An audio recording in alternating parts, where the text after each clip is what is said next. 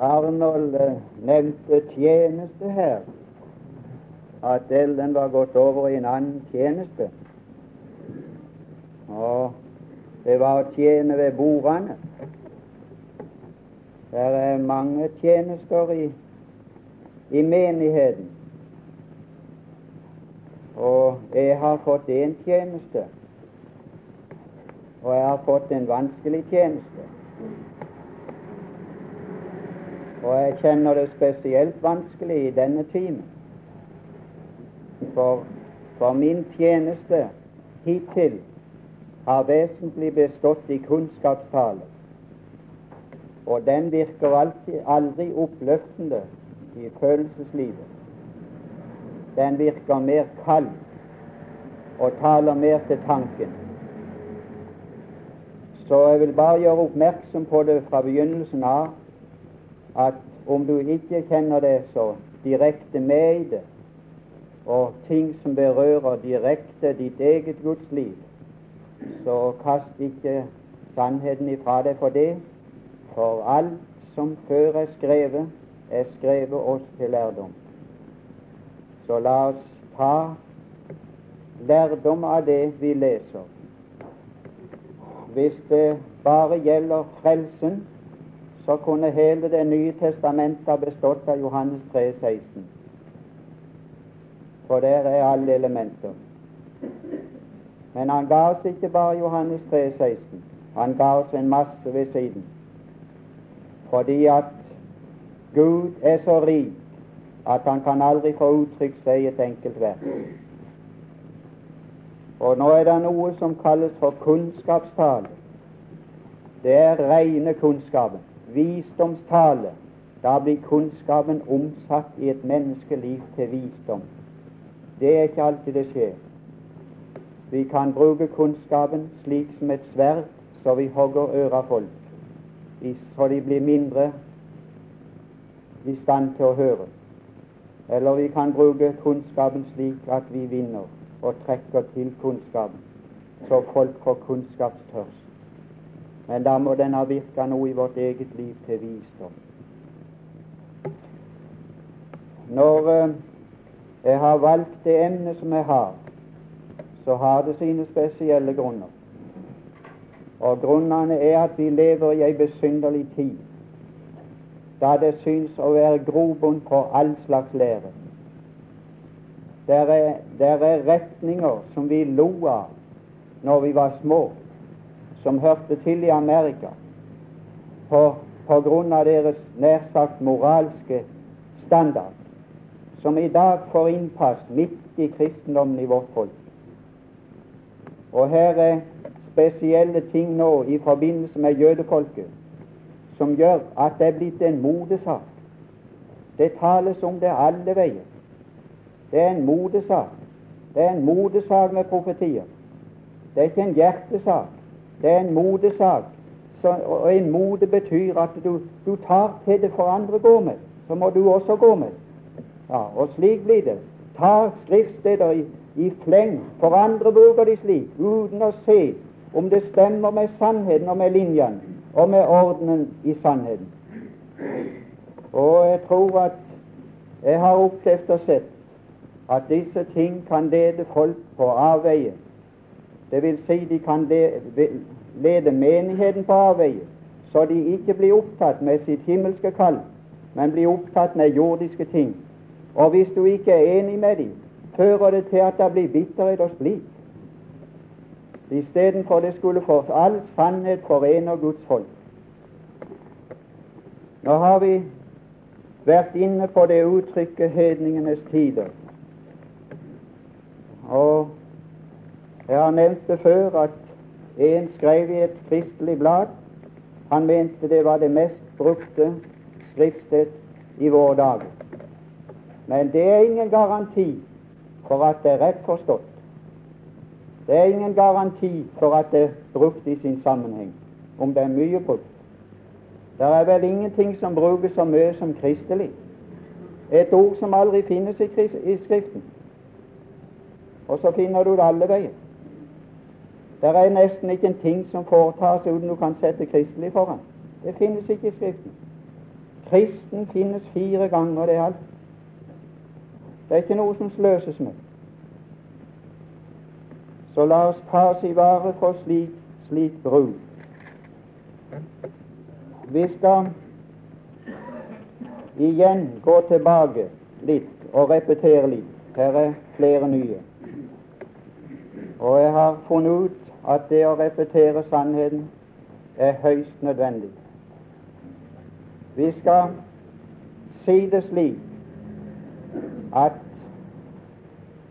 det er av Gud bestemt i Skriften et ganske visst forhold mellom Israel som folk og alle de andre nasjoner og folk. Og det er et dobbelt forhold. Det er enten over eller under. Noe tredje alternativ gis ikke i Skriften, skjønt det finnes i virkeligheten etter 1948. Da finnes det et tredje alternativ som heter likestilling. Det er heller ikke av Gud. I 1948 ble jøde som nasjon opptatt i Forente nasjoner som en likeverdig stat sammen med de andre hedningefolk. Og mange tror at det er Guds ideal. Det er aldri Guds ideal, og skal aldri bli Guds ideal. Det viser bare at Israel er ute av sin plass fullstendig. De er ute av sin gudbestemte plass. De er fullstendig ute av Guds plan. For når Israel var i Guds plan, sier Biliam at blant hedningefolk regner det seg ikke. Ikke bare at Gud ikke regnet de blant hedningfolk, men de regnet som Gud regnet. Blant hedningefolk regner det seg ikke. Nå regner de seg på like fot med de, og det betyr ut av Guds plan. Vi skal repetere litt fra 5. Mosbok 28 og se på det forholdet der. Det er nesten i begynnelsen av Skriften. Femte motbok. Jeg skal bare gjøre oppmerksom på forholdene, og så skal vi gå over til Daniel, igjen der vi slutta i går.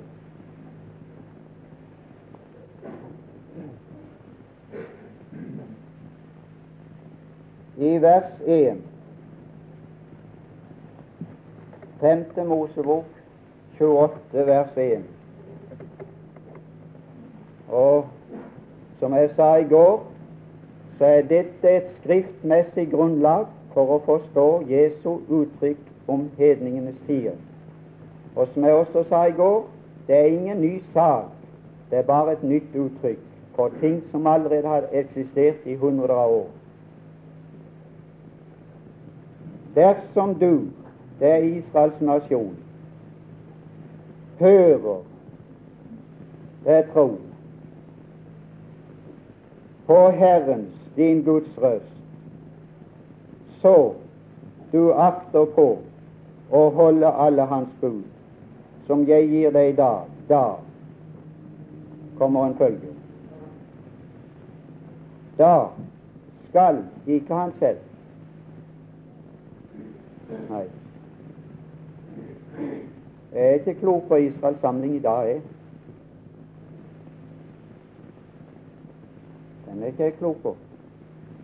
Og det merkelige var at jeg fikk se i et kristelig blad at de ortodokse jøder går ikke med på jødestaten. De anerkjenner ikke staten Israel som et verk av Gud. Så jeg er ikke sikker hva som er bak. Da skal Herren, din Gud, heve deg høyt over alle folkene på jorden. Men som jeg sa, bare i kraft av sin åndelige kvalitet. Og som jeg henviste til Abraham, i kraft av sin tro besatt han en åndelig kvalitet som alle erkjente, og sa du er en Guds høvding iblant dem. Han la ikke to fingre i kors for å få det vitnesbyrdet. De ga han det ganske spontant, for de så i hans liv en som Gud hadde kontroll over og velsigna på alle måter. Han var hev. Han behøvde ikke å heve seg. Han var hev. Å, han var hevt alle veier. Når han sto med Lot Å, det var en mann fra himmelen som sto der, som kunne si landet ligger ovenfor deg, jorda, verden, velg hva du vil. Her er en som er helt overalt. Han var overlegen i Gud i god forstand.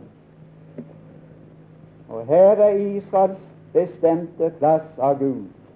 Det er å være hodet, som vi leste også, den som i kraft av guddommelig visdom skulle dirigere folkenes liv, politiske liv, religiøse liv, alt liv.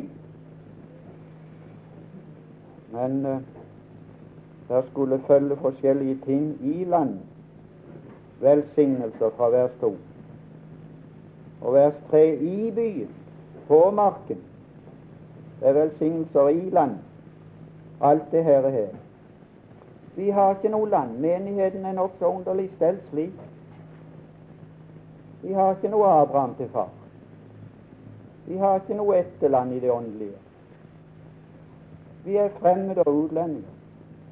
Skjønt det er norsk. Det er bare etter kjødet, det.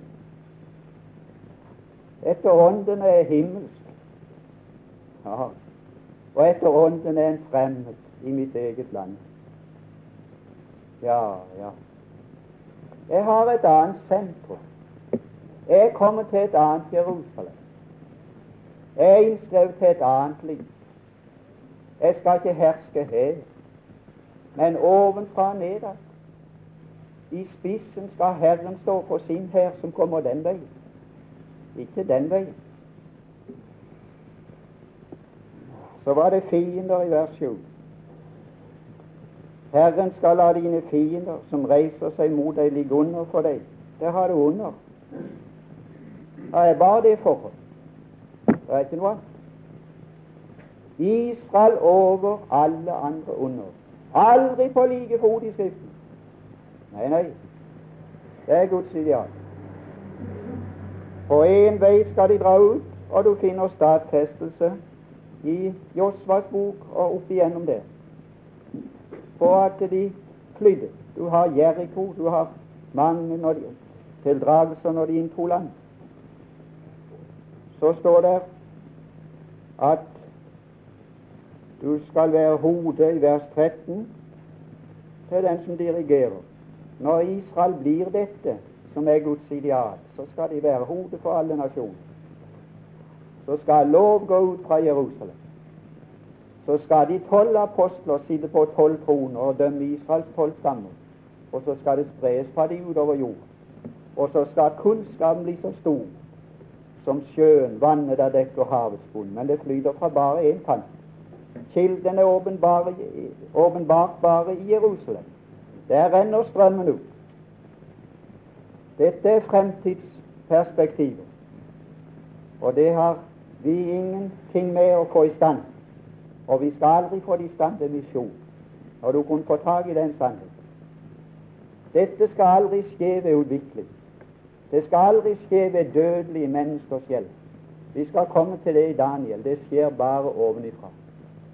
Og ved hærer ovenfra, aldri ved hærer nedenifra så står det et menn i vers 15. Og som jeg sa, så er den minste del her om velsignelse.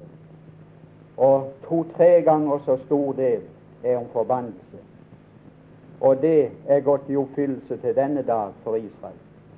Dere kan bare lese litt av historien fra 1945 og utover.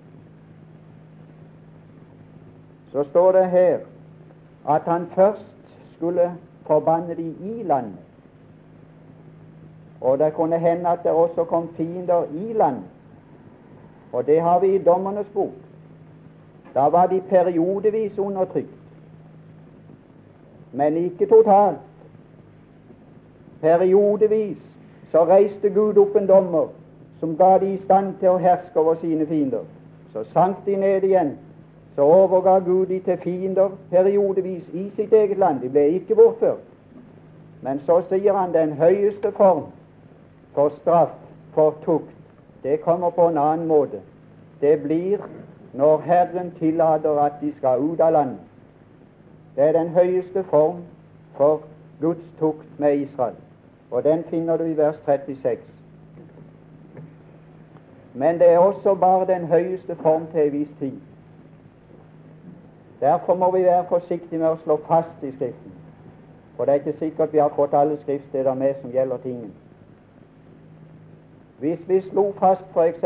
Johannes 1,11 at hans egne tok ikke imot ham, så slo vi fast at det var totalt. At det var ingen som svarte da han ropte, og ingen som hørte da han talte. Men vers 12 sier Du må lese litt mer. Vers 12 sier men alle dem som tok imot ham. Det var unntagelser. Men det er unntagelsene sammenlignet med massen han la fram, eller folket, eller det som kalles hele Israel. Her står det i vers 36 Herren skal føre deg og din konge. Der har alt Moses fått tak i at de skal få konge. Det hadde de ikke da. Og han, han har fått tak i at det er først når de har fått konge, at de skal bortføres. Ikke før. Det er først når kongen òg skal bortføres, at bortførelsen skal finne sted. Som du setter over deg bort til et folk som verken du eller dine fedre har kjent, og der skal du dyrke andre guder, og du skal bli til en redsel, et ordspråk, og til splott blant alle folk Herren fører deg til. Det er den høyeste form for straff til da. Og denne finner vi så i Jeremias. Denne form for straff finner vi første gang i det 70-årige fangenskap i Babylon. Men som jeg sa, jeg vet ikke om jeg kan komme tilbake til, så når Jesus sto i, i Palestina, så så han den veien historien. Han sto midt i historien. Og så så han den veien historien tilbake, og så så han den veien historien fram. Så så han fra starten, og så så han til slutten. Og så målte han fram igjennom. Hvis jeg skulle uttrykke meg med absolutt sikkerhet om hvem som er den høyeste her i denne forsamling, måtte jeg ha målt den med alle de andre. Der sto den Herre Jesus i Matteus 24 og vers er det 21, og så historiens bølger av forfølgelse fra den første og inntil da. Så tok han for seg det som skulle skje, og så til henne og så sa han da skal det være så stor. Og stor står for sammenligning. Så stor en trengsel som der ikke har vært fra verdens begynnelse, og heller ikke skal bli. Og skal den forekomme hen? Den skal forekomme i landet. Kan du ta den sannheten med deg? Så slår de i hjel teorier i det uendelige som forkynnes freidig uten å ha støtt i Skriften. Det er i grunnen det eneste gode der er med den forkynnelsen. Det eneste gode med mange, mange stykker jeg leser, der, der finnes ikke Guds ord. Det er det eneste gode der er med det, for da drypper det med i gang. Og ser aldri på det. Nei. Har jeg noe med å ta imot noe som ikke kommer fra Skriften? Selv en Paulus var gjenfødt og hadde ny åndelig natur og sans, sa om seg selv som gjenfødt at han var ikke i stand til å uttenke noe av seg selv, selv som frelst. Ja. Men vår duelighet er av Gud, og Han må gi det ved åpenbaring. Og bare det. Jeg har fått det ved åpenbaring, sa, sa Paulus i 1. Korinterbrev 2 og den kom bare inn i mitt indre, så skulle den åpenbaringen legges inn i ord. Og så passet han ordene ut i språket, så det akkurat dekte innholdet. Ja, jeg hadde, jeg hadde en hatt som hadde reim rundt sånn. Ei svettereim det kalles. Som var det, var, det, var, det var blitt sånn masse flekker på. Så gikk jeg inn til hatteforretningen og skulle få nytt bånd. Så sa vedkommende ja, det er bare om jeg har den slag. Ja, så vil du finne det ut? Ja, jeg får prøve meg fram. Han så to rullene og så la hun der sånn. Nei, den passer ikke. Og den passer ikke heller. Den er for brei, og den er for smal, og det er ikke rett kuløren. Og gikk gjennom rullene henne igjennom til hun kom akkurat så sa hun den dekker fullstendig. Ja, ja, det er inspirasjon. Åpenbarelse, det er det som Paulus fikk som ideer i sitt indre. Inspirasjon er at de guddommelige tanker passer inn i de rette ord, så de dekker hverandre fullstendig. Og etterpå det må vi ha Åndens opplysning om det Han har gitt oss. Så avhengig er vi av Gud. Ja, du store tid. Jeremias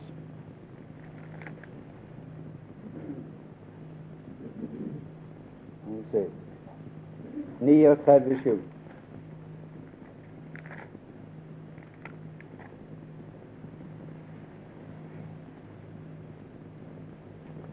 Din konge som du setter over deg. leste vi. Skal bortføres, leste vi fra 5. Mosebok 28. I Jeremias 39, vers 5 og til 9. Bare dere har det, så kan dere lese sammenheng.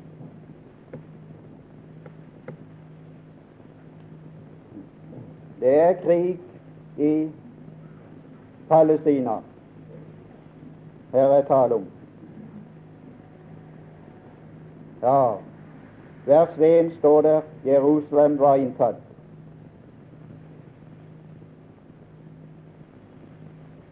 Sedekias niende år, i den tiende måned, kom Babels konge Nebukadneser og hele hans hær til Jerusalem og kringsatte byen.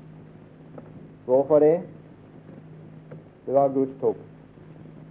Han bar ikke over lenger. Nå skulle den høyeste form få tukt ramme hans folk. Med kongen i spissen skulle de vekk. Og vers 6 Babels konge drepte Sedekias sønner. De ribla for hans øyne. Likeså drepte Babels konge alle de fornemme i, Juda. Og kongen i spissen og kongen lot han blinde, og lot ham binde med to kobberlenker for å føre han til Babel. Og kongens hus og de hus som hørte folk til, brente kaldeerne opp med ild. Jerusalems mur rev de ned. Det er første ganger. Og det er grunnen til at Daniel var i det babyloniske riket. Men denne tid og periode var bestemt kapittel 25 til 70 år. 12, 25, 12. Det skal vi ikke lese. Vi kan lese Daniel.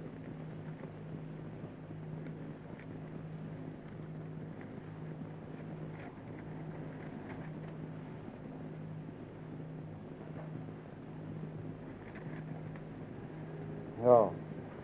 Daniel 9.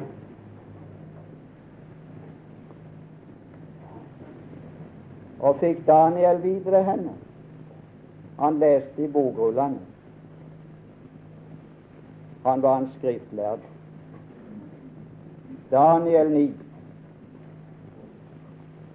vers 2. I det første år av hans regjering la jeg Daniel i bøkene merke til tallet på de år som Herren hadde talt om til profeten Jeremias. At han ville la fulle 70 år gå til ende mens Jerusalem lå i ruiner. Så det Her har du, her har du perioden begrensa. Og så skal vi gå hen til, til Daniel 2 og tale litt om den forandring som da skjedde, og som har sin virkning like til denne dag, og som betyr at hedningenes tider starter og varer ved til i dag. Daniel fikk se dette. Daniel var en statsmann, men nå må du høre godt etter. Som statsmann tjente han, men et rike som gikk under. Han tjente i to riker, og tjenesten gjaldt ting som gikk under. Men Daniel var Gud bestemt til å være noe langt mer. Han var bestemt til å være Guds munn til folket, ikke bare i sin tid, men være Guds munn til folket i tusener av år. Det er tjeneste, det. Så store ting. Og for en tjeneste velger du? Hva er vi som menighet uttrykk for? Vi er Herrens lemmer. Han er hodet, dirigerer. Hva er han interessert i i denne tid? Tror du han er interessert i det som han skal knuse? Hva? Tror du han er interessert i reformer når han må knuse de allikevel? Når han må fjerne de som støv for vind? Hva tror du Herren som hode er interessert i på nådens trone? Han er interessert i å be. Er du interessert i å be? Han lever alltid, ikke for å be for seg selv. Han har aldri bedt for seg selv ei bønn når han kom hjem. Han har bedt for andre dag og natt uavlatelig. Er du uttrykk for det liv? Han er interessert i frelse og bare frelse. Det er ingenting mindre og ingenting mer enn frelse. Er du interessert i frelse, i andres frelse? Paulus var interessert i det. At de må bli frelst. Men nå er forkynnelse som ikke er interessert i frelse. Nå er forkynnelse av Israel at vi skal ikke drive misjon. Det er løgn. Det er vranglære fra ende til annen. Verden ligger i det onde, og verden består av to grupper, og det er jøder og hedninger, og alle som en ligger i det onde og må frelses for å komme ut av sin stilling. Og Det er her vi er Herrens munn, ved forkynnelsens dårskap, å frelse dem som tror. Det er hele vår oppgave. Men vi skal ta litt her åssen Gud arbeider. Han arbeider gjennom drømmer. Hans arbeid her gikk gjennom drøm. Vers 1 av kapittel 2. Han hadde drømmer som gjorde ham urolig, og det var forbi med hans søvn. Og så kalte han til seg alle sine vise og forlangte en drøm som var glemt, og forlangte den utlagt. Alt det her dirigerer Gud bare for å vise hva Han er. Og så kommer de til en sann slutning i vers 10. Kommer alle de vise til. Tenk om de var kommet til det i våre dager. Tenk om det. Drømmen om fred, Mm. Drømmen om fred ved Forente Nasjoner. Drømmen om utvikling, om utviklingshjelp. Drømmen om likestilling. Oh, tenk om de vise var kommet ut av det. Tenk om de var kommet ut av det. Tenk om de innså at her kommer all menneskelig makt til, til kort. Men, men Isaiah sier et slør ligger over folkenes øyne. De kan ikke se. Men ved tusenårsriket skal han trekke sløret til side, og de kan se. De kan ikke se. De er blinde av Satan. Og det er der vi skulle ha medfølelse med dem. De ledes i lenke, blinde og berusa, mot fortapelsen. Og Skriften sier 'redd dem som hentes til døden'. Er vi, er, er vi, har vi det syn i vår dag? Er det slik vi ser verden? Lenker, forblinda, berusa, ledes av en høyere makt mot fortapelsen. Da skal jeg si det blir ikke mye tid til å holde leven i denne verden. Det er bare fordi vi er blinde at vi kan si det blir ikke mye tid til å holde leven i denne verden. Det er bare fordi vi er blinde at vi kan leve som vi lever. Og, og sier 'Hvem er blind som min tjener?' Det er fryktelig. Når Gud slår en troende med blindhet, så blir det som er lys, det blir mørke, og mørket blir lys for dem. Det er det som er det fryktelige. Jeg er ikke i tvil om at mye av det som betraktes som lys i vår dag, er mørke. Virksomhet og alt det her, det er mørke i Guds syn, som er gjort til lys. Da blir mørket stort, sier Jesus. Men her er de kommet til en sannslutning. Det er ikke ett menneske på jorden som kan kunngjøre kongen det han vil vite. Ikke. Nei, nei, ikke Daniel heller. Og når Daniel kommer til stedet, så sier han akkurat det samme. Det er bare én som kan, men han kan. Så har vi bønnemøte i, i vers 17. Det er fint. Det er fint. Ja, ja. Her har du den som erkjente at han ingenting kunne, som fikk det på kne. Han kalte vennene sammen, og så ba de om barmhjertighet, om åpenbarelse. Og så ble svaret det at Daniel fikk hemmeligheten fra Gud. Og så priste han himmelens, himmelens Gud. Å, se det. Der renner det tilbake igjen hos Gud. Å, folk, hvis ikke velsignelsene gjør at hjertet fylles og du må tilbake der, så er det feil. Hvis velsignelsene blir her nede, så er det feil. All velsignelse inni vårt liv skal gjøre oss til tilbedere. Et tilbedelse er et hjerte som strømmer over og strømmer tilbake til Han som ga oss velsignelsen. Og så begynner han å befale. Ja, du, du, når de er, når de er, når de er i gudfolk, så er det underlig. Kongen hadde befalt de skal drepes. Han sier rett ut de skal ikke drepes. Ja, Gud. Når, når, når, et menneske kommer inn i Gud, så blir det noe av det av det guddommelige, en guddømlig autoritet, som sier ja og amen i ditt hjerte at så er det. Og så sier han de skal ikke drepes. Nei, nei. Nei. Drep ikke Babels vismenn. Før meg inn til kongen. Vers 24. Så vil jeg kunngjøre kongen utydningen. Og så kommer han inn, og så sa han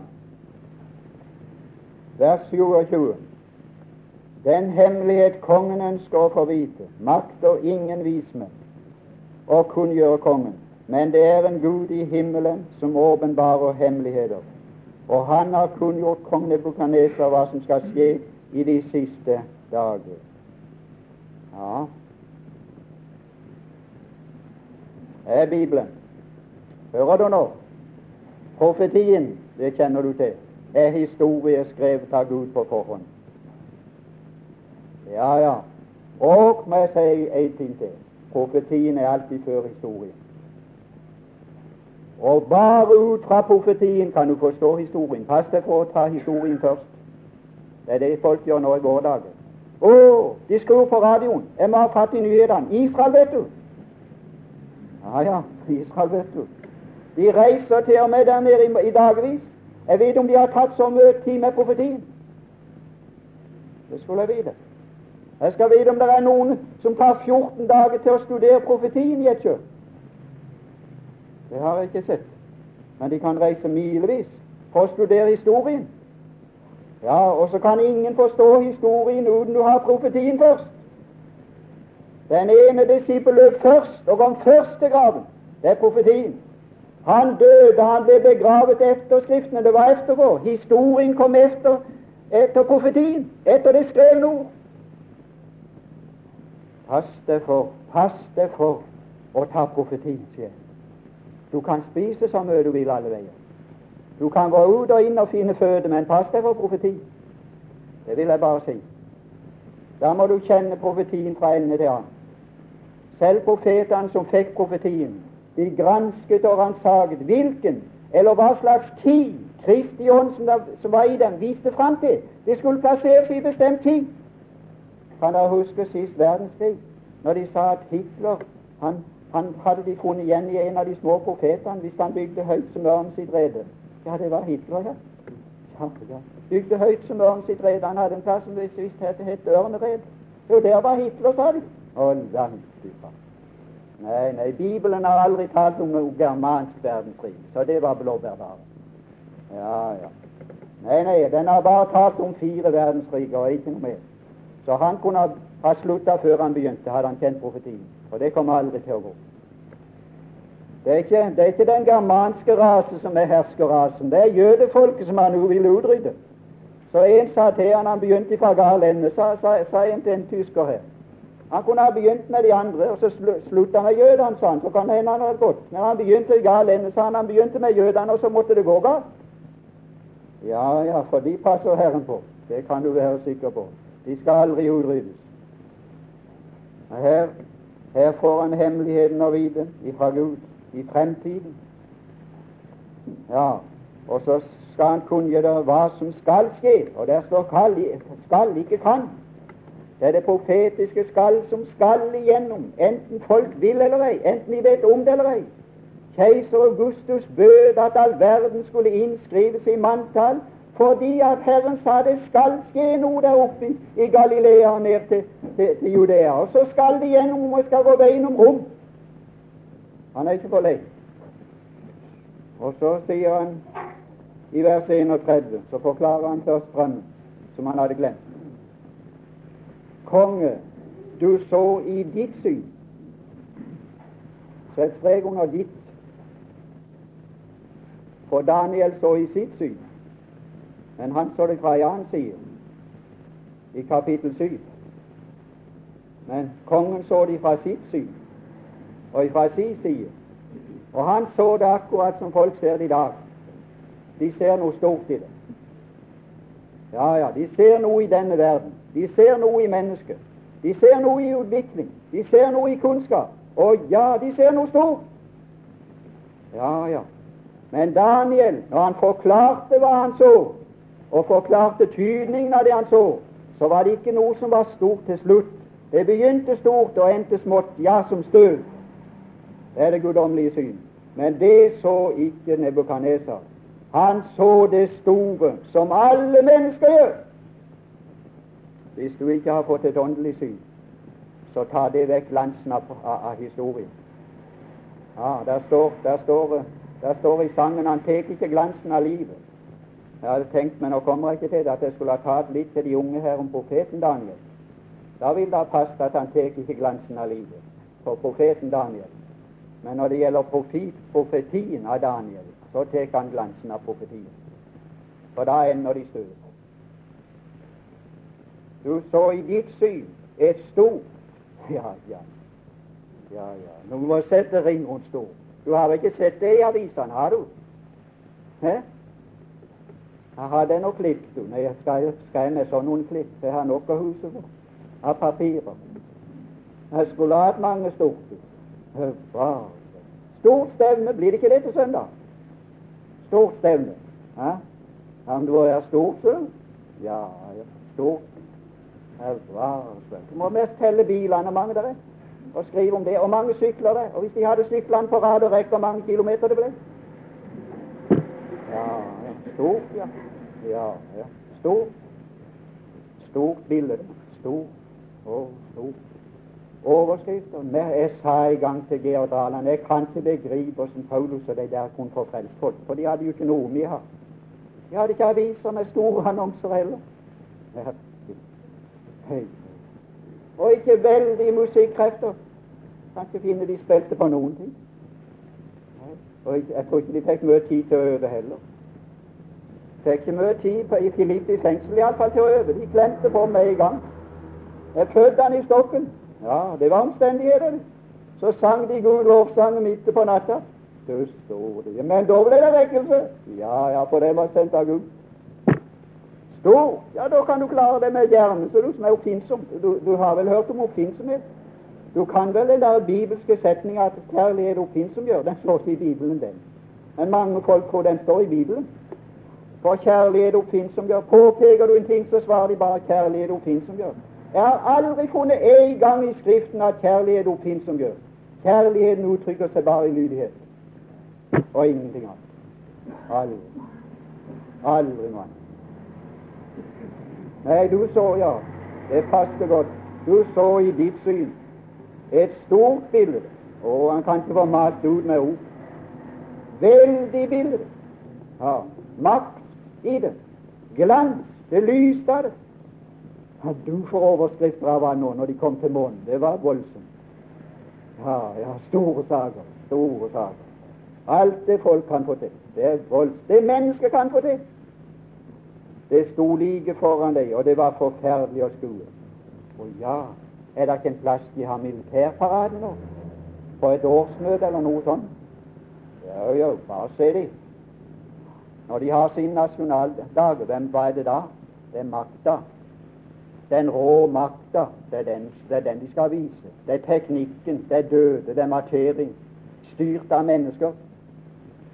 Det er forferdelig. Det er forferdelig. Ja, ja. Jeg hørte just en andakt en morgen om en av de vitenskapsmenn som hadde skapt atombomber. Når han så den først eksploderte, så brast han i gråt. Nå siterer jeg bare to hukommelsen. Og sa Gud, vi har skapt et helvete. Ja, ja. Forferdelig. Forferdelig. Ja, forferdelig. Det er forferdelig. Så står det hvordan det var delt inn. Bildet, hodet, var fint gull, vers 32. Det begynner fint, og det begynner mykt for gull er mykt. Bryst og armen av sølv, det er mindre verdi. Mer hardt. Buken og lendene av kobber, enda mer hardt. Og føddene, benene, av jern, det er hardt. Jeg tenker du har den du har karaktertrekk i dag. Jøde, greker, i dagens situasjon tenker du har det der. Jeg tenker du har jernet. Jeg tenker du har diktaturet. Jeg tenker vi har noe av ler enda som kan formes. Litt av folkets stemme som forlanger, men som ikke kan kontrolleres uten at det må diktatur til å føre igjennom.